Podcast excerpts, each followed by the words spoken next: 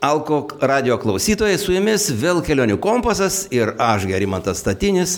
Šiandieną mes kalbėsime apie karštus kelionių reportažus. Tokia yra laidos tema. O svečia šiandieną mano yra spaudos fotografas, žurnalistas, speleologas ir keliautojas Vidmantas Balkūnas. Sveiki, Vidmantai. Sveiki, Gerimantai. Na, šiandieną pakalbėsime ne tik tai apie keliones, apie kelionių reportažus, tačiau ir apie spe speleologiją, apie kalnus, apie gražias merginas. Taigi, mėly klausytojai, jeigu įsijungiate e, mūsų laidą, tai tikrai šį pusvalandį praleiskite su mumis, nes tikrai daug ko įdomaus sužinosite. Tai gal ir pradėsiu tada, Vidmantai, tokiu klausimu. Kokią vietą tavo gyvenime užima kelionės?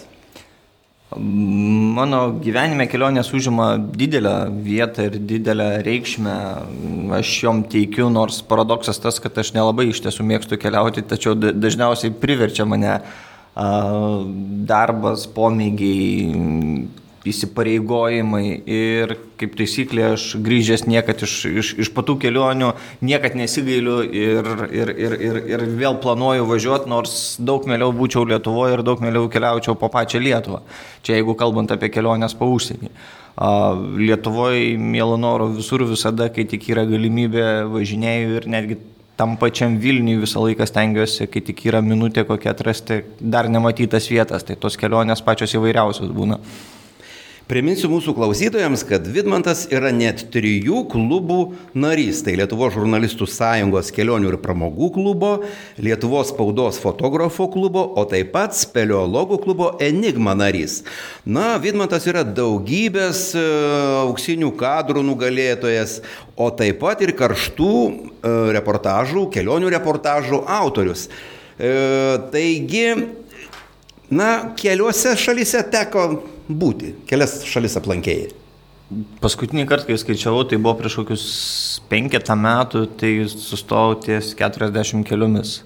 Aha, o... tai jau viršiai Mata Šalčių, kuris svečiuose pas 40 tautų buvo, galima sakyti. Galbūt, nežinau. Aha. E, dabar ir rengi karštus reportažus kelionių reportažus. Ir, ir, ir, ir karštus skamba labai, na, gali e, kelias reikšmės turėti. Karštas tai gali būti iš toj pat iš įvykio į vietos, o taip pat iš karštų, na, taškų, iš pavojingų, iš karo kažkokių tai zonos e, tų, tų taškų.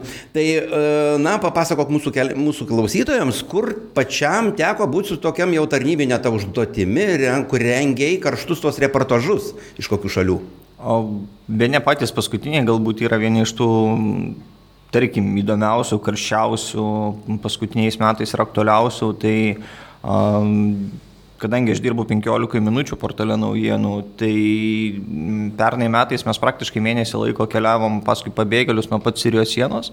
Nuvažiavom iki 300 metrų likus iki Sirijos sienos ir nuo ten pradėjom savo kelionę ir praktiškai mėnesį su jais, paskui juos, šalia jų keliavom iki Vokietijos sienos ir žiūrėjom, kaip, kaip atrodo tas jų gyvenimas. Kovo mėnesį buvom su kolega Pancerovu Ukrainos karo pirmose linijose, norėjom įsitikinti, kaip, kaip veikia ta vadinamoji Minsko taika. Supratomėm, kad iš tiesų jinai visiškai neveikia, Po to vėl grįžome su kitu kolega Ramanausku Pauliumi į Makedonijos Graikijos pasienį, kur uždarė sienas.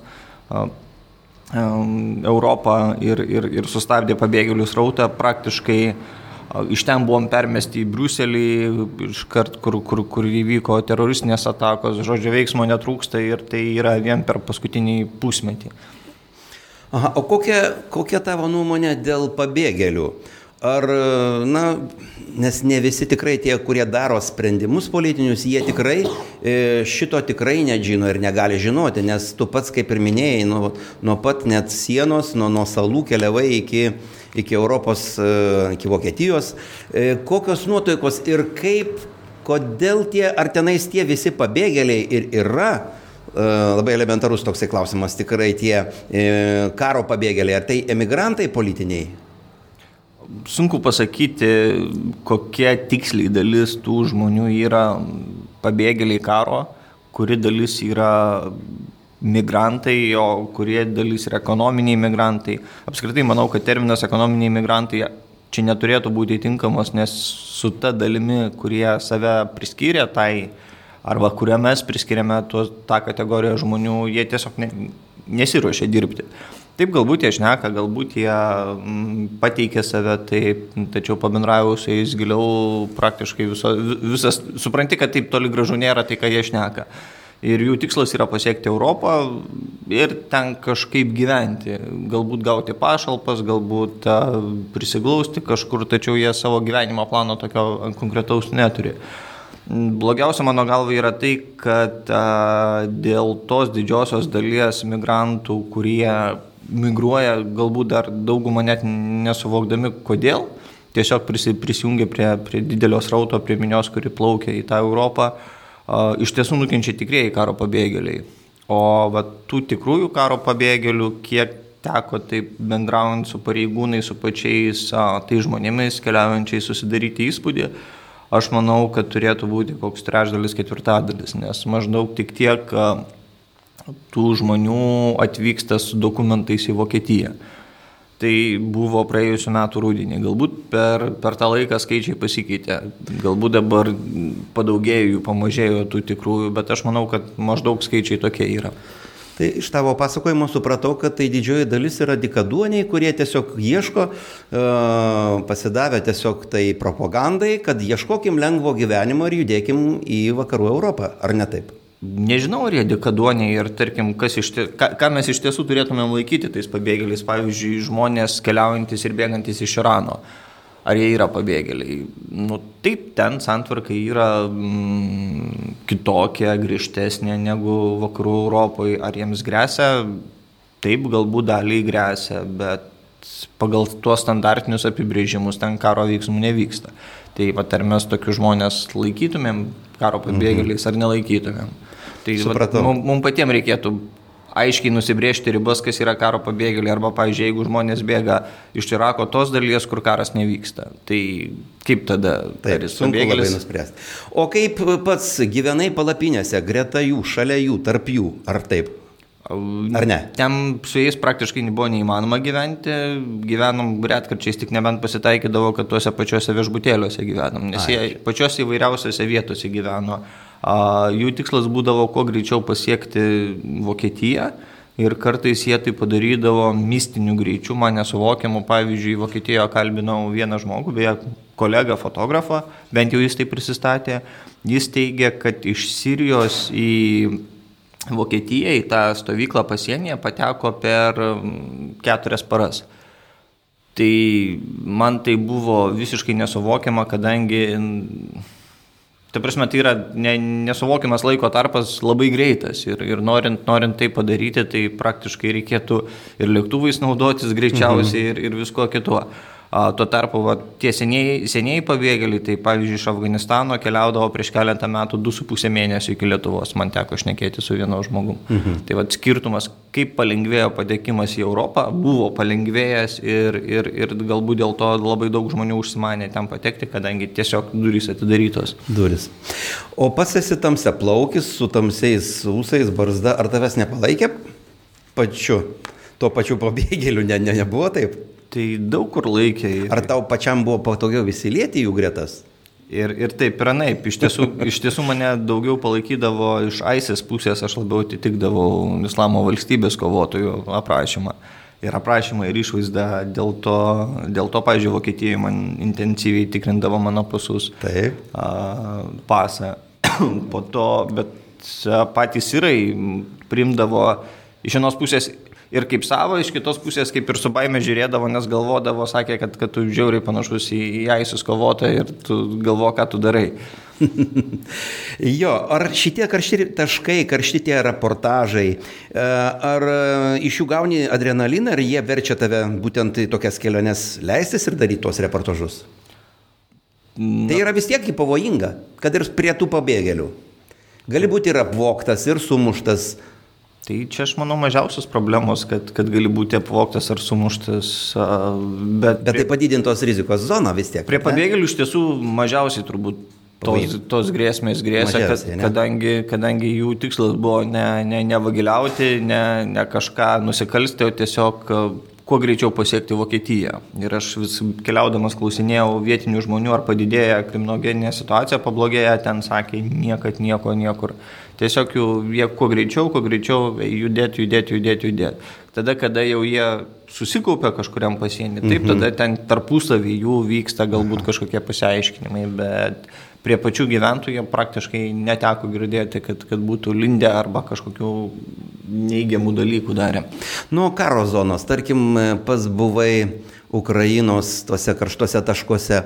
Ten tai tikrai pavojinga ir aš žiūrėjau e, tą filmuką, kur ten pasakoja, kaip, kad nežinai kada kas kur pradėjo šaudyti, nes tai yra partizaninis vos ne karas, ar ne?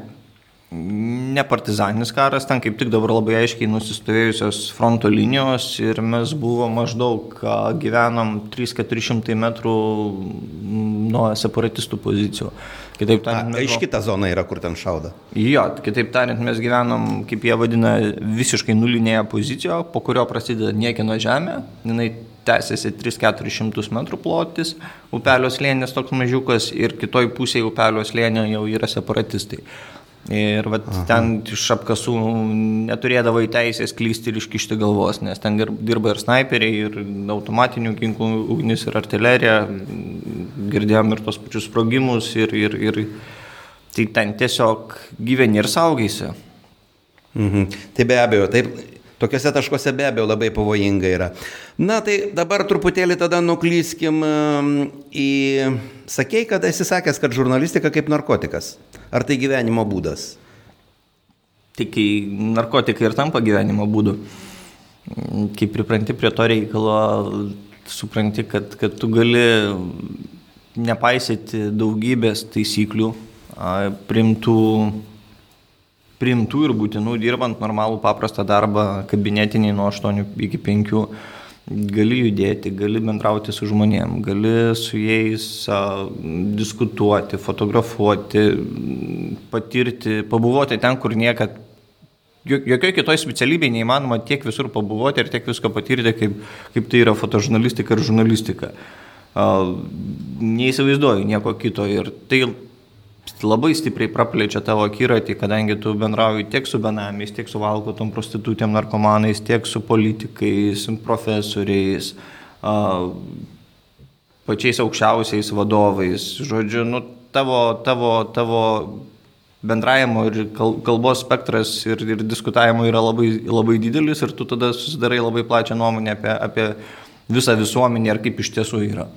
Bet e, darai reportažus, tarkim, iš įvykio vietos. Tai gali būti įvykis ir e, šau žvaigždžių vakarėlis, gali būti autoavarija ir gali būti, na, tokia išvyka, kur va, ar su pabėgėliais, kur tau, kur tu jautiesi geriausiai ir kur naudingiausiais jautiesi. Manau, kad ir aš geriausiai jaučiuosi ir naudingiausias turbūt esu ten, kur vyksta karštas veiksmas ir kur reikia labai greitai spręsti, priimti sprendimus, tai yra gaisrai, avarijos, neplanuoti visi įvykiai, reušės, karai, ten kur, ten, kur verda gyvenimas tikras ir, ir, ir, ir kur tu negali galvoti, kaip čia dabar geriau padarius, o tu turi čia ir dabar prakalbinti žmonės, surinkti informaciją, nufotografuoti, nufilmuoti, viską perduoti į redakciją, šalia to dar negauti į galvą ir, ir saugiai grįžti į, į namus. Na gerai, dabar tada žinau, kad esi speleologas. Ir, bet teko matyti pat ir netgi sutikti ir kalnuose, lipi kalnuose ir viršūnės. E, tai dabar kas, vat, kas labiau, ar kalnai, ar urvai? Vienareikšmiškai urvai. Urvai. Taip, kadangi po žemę aš jaučiuosi turbūt dar komfortabiliau negu ant žemės, o kalnuose jau reikia perlipti per save. Bet e, klaustrofobija, vieniems e, klaustrofobija, kitiems yra aukščio baime. Ir, e, ir, ir, ir, ir tarkim, na, aš esu ir ten, ir ten, bet man vis vien kalnai tai yra didesnis, platesnis akiratis, atsimatė. Viską matai, o čia nematai ir tave slegia. Kaip, na, bet jeigu tų to adrenalino kiekių, tai aš manau ir tas, ir tas. Aš, man tekia ir ten, ir ten būti. Man vis tiek yra pirmenybė kalnai, nors vis vien traukia ir urvus. O pats pirmenybę skiri, aišku, urvam, ar ne? Kokiuose įdomiuose, pačiuose įdomiausiuose urvuose esi tekęs, teko būti? Nu, patys įdomiausi turbūt urvai yra tie, kurie bent jau man pačiam, kuriuose siaura, purvina, šlapia, molina ir sudėtinga judėti. Nu, koks tai regionas paskutiniuose, kur buvai? Be ne pagrindiniai, kur paskutinius metus dirbome, tai buvo Ispanijos šiaurėje Prienų kalnų masyvė. Ronioniera regione urvų sistema, kuri tęsiasi apie 50 km, grubiai taip, ir mes tyrinėjom vieną atšaką, kuri a, greičiausiai susijungia su ta sistema. Tai va ten lietu, visiškai lietuviai vieni ten praėjome, padarėme atradimus ir praėjome nuo 50 metrų urvelio, nusileidome iki pusės kilometro gylio ir kelis kilometrus nutopografavome visiškai niekam nežinomo urvo ir planuojama, kad jis greičiausiai susijungs su tą didelę pagrindinę sistemą. Tai va tame urve yra visko ir 100 metrų gylio šulinys, ir siauri praėjimai, ir šliaužimai, ir, ir, ir kopimai, erdvės pasireikšti visiems visur, kur tik nori. Ar neteko užstrikti kada nors urve? Teko ir, ir urve, ir ne urve. Taip, tai yra sudėtingas dalykas ir, ir, ir, ir reikalauja. Kokios apima mintis tada? Atsiprašau. Mintis nepanikuoti, svarbiausia. Bet ateina tokia, kad tai buvo paskutinis kartas į urvą. Tai ateina ne tik užstrigus, ateina turbūt daug, daug dažniau tokios mintys, kada tu grįžti išlipinėjai iš uro visiškai nusikalęs kaip šuovėmi iš nuovargio ir, ir galvoji, ką čia darau per atostogas tom molio gabale. tai, tai tos mintys dažnai ateina, bet išlipi iš uro kitą dieną vėlai, ne? Po dviejų savaičių grįžęs iš ekspedicijos jau galvoji, kad, kad, kad reiktų turbūt kitą kelionę planuoti. Panašiai ir aš galvau, kai mes kartu buvome prieš daugel metų e, Ukrainoje, Mlinkuose ir aš, na, toks gal sakyčiau, pirmas buvo mano užstrigimas, užstrigau ir sakiau, viskas daugiau gyvenime nekelsiu kojos į urvus, bet dieną pailsėjom, pasimaudėm pirti, kitą, po, po dienos vėl lindau ir paskui supratau, kad reikia būtent viską iškvėpti, visą orą. Jo, na, o apie dirbtinius urvus. E, na, pas mus juos kartais e, e, rusų portaluose įvardė kaip spelestologija, tačiau tai nėra turbūt labai tikslu. Tai kaip čia vadintųsi, turbūt dar, na, dirbtiniai požeminės tos tie urvai visi požemiai. E, Aš jas vadinu industriniais požemiais. Industriniais požemiais, jo. Ir, ir, yra net angliškas, čia aš dabar, e, kaip jie vadinasi dabar. Ur, Urban Explorer. Jo. Tai vad, ar būtent e, tie vat, požeminės tos ertmės dirbtinės, ar tave irgi taip pat vienodai irgi traukia? Pačioj pradžioje aš nuo jų pradėjau, tada taip traukia. Dabar po to, kai pamačiau, kas yra urvai ir ką juose galima patirti, tai industriniai požemiai man tapo nebent lengvų treniruočio arba šiaip prasiblaškimo objektų, kur gali praseiti, draugams parodyti pažinti kažką, patirti kažką naujo, bet, bet tikrai toli gražu tai nesilygina su tikrais urvais. O ar fotografuoji tuose pažeminėse ertmėse? Teko fotografuoti, natūralu, kad visur, kur eini, kur nesi dar buvęs, visą laiką nešiesi fotoaparatą ir vienai par kitaip jam žinia tuos, tuos kadrus ir tuos vaizdus, kuriuos matai tam, kad parodyti kitiem. O e, dabar vat sekanti kelionė, tarkim, būtų rinktis, aišku, rinktumėsi vis tiek urvus, ne kalnus. Norint patekti į urvus, reikia užlipti į kalnus. Į kalnus būna tai, ir taip. Ne, nebūna, taip visą laiką yra praktiškai. Tai nori, nenori, būdamas urvuose, tu gyveni kalnuose. Tačiau natūralu, kad aš eičiau į turvus. Rinkčiausi speleologinę kelionę, o ne alpinistinę. Na, mūsų klausytojams priminsiu, kad Vidmantas yra e, apie jį taip prašoma jaunosios kartos fotografas, kuris nebėjo pasakyti, kad karalius nuogas. Jo manimų Lietuvoje fotožurnalistikos žanras neturi tradicijų, todėl dažnai, užuot ieškojus netikėtumų, originalių e, kadrų, daug paprasčiau tai viską surežisuoti. Tai kaip ten su tuo surežisavimu? Na, čia jau senos mintys prieš kokią penketą metų gal sakytos, bet, bet dar dalis to išlikus aktualumo neprarado ir dabar. Lietuvoje jau pradeda atsirasti fotožurnalistikos ir tradicijos, ir, ir žmonių, kurie nori daryti tikrąją žurnalistiką, ne, ne, ne vien lakstyti su fotoaparatu, kad užpildyti laikraščio puslapius. Tačiau vis dar yra to paties režisavimo, kada kada žmonės vardan geresnio kadro, bent jau jie taip galvoja, vardan geresnio kadro, paprašo kažką padaryti, paprašo pakartoti veiksmą, papra, sustato žmonės, ar, ar, ar dar kažkaip kitaip įsikiša į patį fotografuojamą vaizdą. A, iš tiesų, fotožurnalistikoje pats fotografas turėtų būti tik stebėtojas ir niekaip nesikišti į, į jo fiksuojamą vaizdą. Ar lengva tai pasakyti? Iš pirmo žvilgsnio, ar tai surežisuotas e, kadras, ar, ar natūralus? Dažniausiai patyrusi akis jau pasakys, kad, kad tai yra režisuotas kadras, nes jis pats dažniausiai žino, kaip tas vyksta ir, ir kaip, kaip vyksta, kai pabandai pastatyti. E, priminsiu dar mūsų klausytojams, kad Vidmantas yra daugelio daugelio konkursų e, apdovanotas ir laimėtojas yra. Ir pavyzdžiui, 15 metais, e, žiūriu, Lietuvos spaudos fotografija 2015, net trijose nominacijose auksinio kadro laimėtojas. Tai naujienos, kariuomenė ir gyvenimas. Na, tai e, turbūt kariuomeniai tą didesnį, didesnį dėmesį skiria, tai būni dažniau tenais, ar nes tenka matyti vis kažkur tai su kamufležiniais, kažkokiais tai fonė kamufležiniam ar, ar dar panašiai. Paradoksas, bet iš tiesų paskutiniais metais turbūt kariuomeniai mažiausiai dėmesio skiriu, tačiau galbūt, pavadinkim, tai pasiseka man tose, to, tose kategorijose, tose aplinkybėse, galbūt aš stengiuosi daugiau neiti tuo masiniu keliu, o daugiau žmogiškąją dramą daryti, kaip gyvena šauktiniai, kaip a, jaučiasi kariai, kurie ilgas dienas pratybose praleidžia. Tiesiog truputį kitas temas renkuosi ir galbūt tai atsipirka. Daugelį tavo nuotraukų yra panaudota daugelį leidinių. Ir norėčiau klausyti, kokiuose pačiuose netikėčiausiose Vilniaus vietose teko būti? Na, kur paprastas gyventojas tikrai ten neusikars. iš, iš aukštuminių, tarkim, tai praktiškai ant visų dangoraižių, darant reportažus apie aukštalipius, šalia konstitucijos yra, konstitucijos prospektai yra panor, ne, ne panoramos Europos biurots dangoraižės ir ant jos stovi antenų laikiklis. Tai antenų laikiklis, tai va ten 140 kelia, keli metrai, keturi berots yra virš, virš konstitucijos prospekto, ten esu užlipęs po po Vilniaus senamišių, po žvėrynų, po kitus požemius landžijas, daręs reportažus. Vilniaus... O bažnyčios bokštai?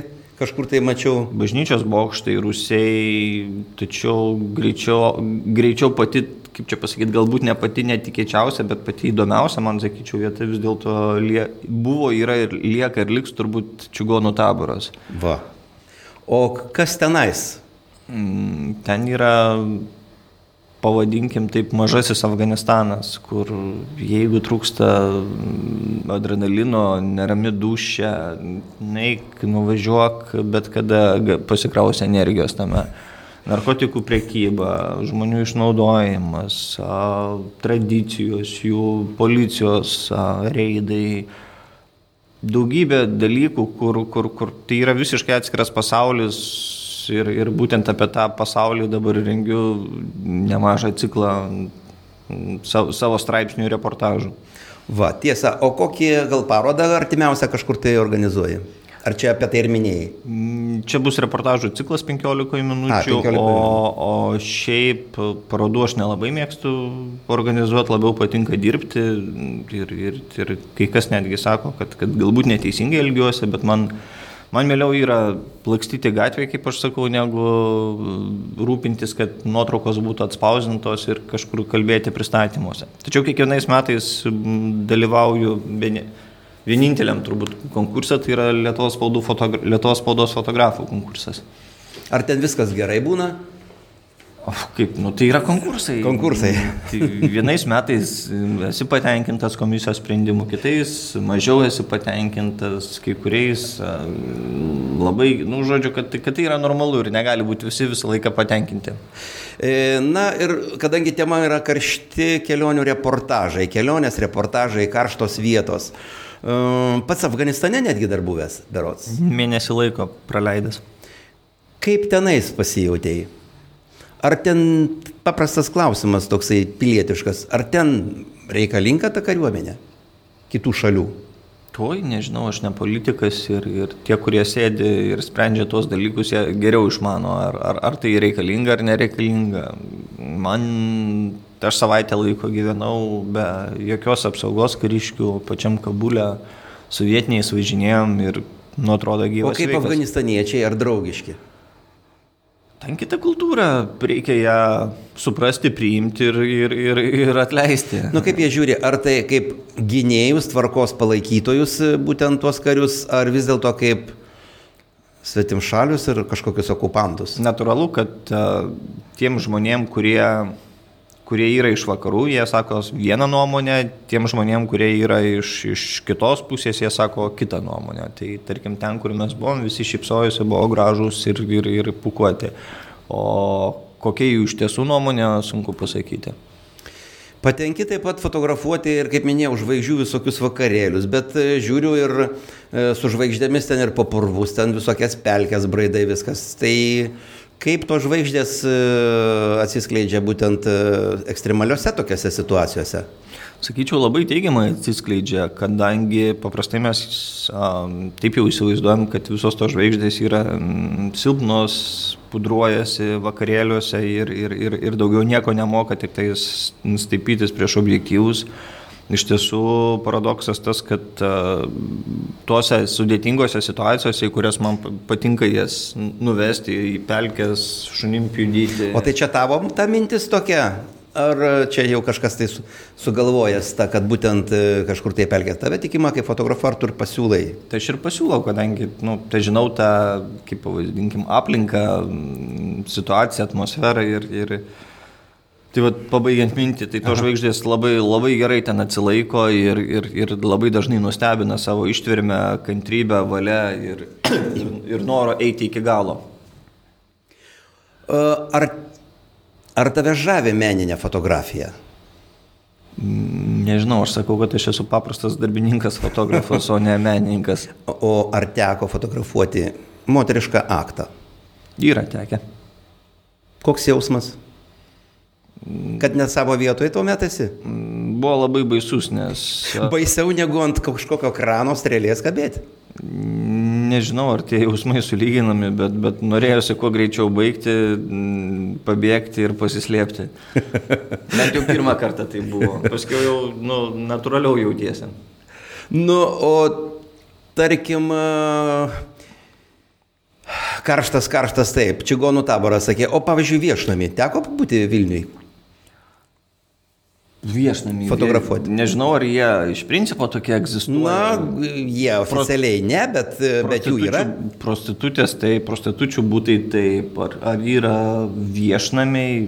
Nu, kurie vadinami, tarkim. Yra grožio salonai. Iš principo tai, kas susijęs su prostitucija, plus minus daug teko pamatyti, arba pakankamai daug, pavadinkim mhm. taip.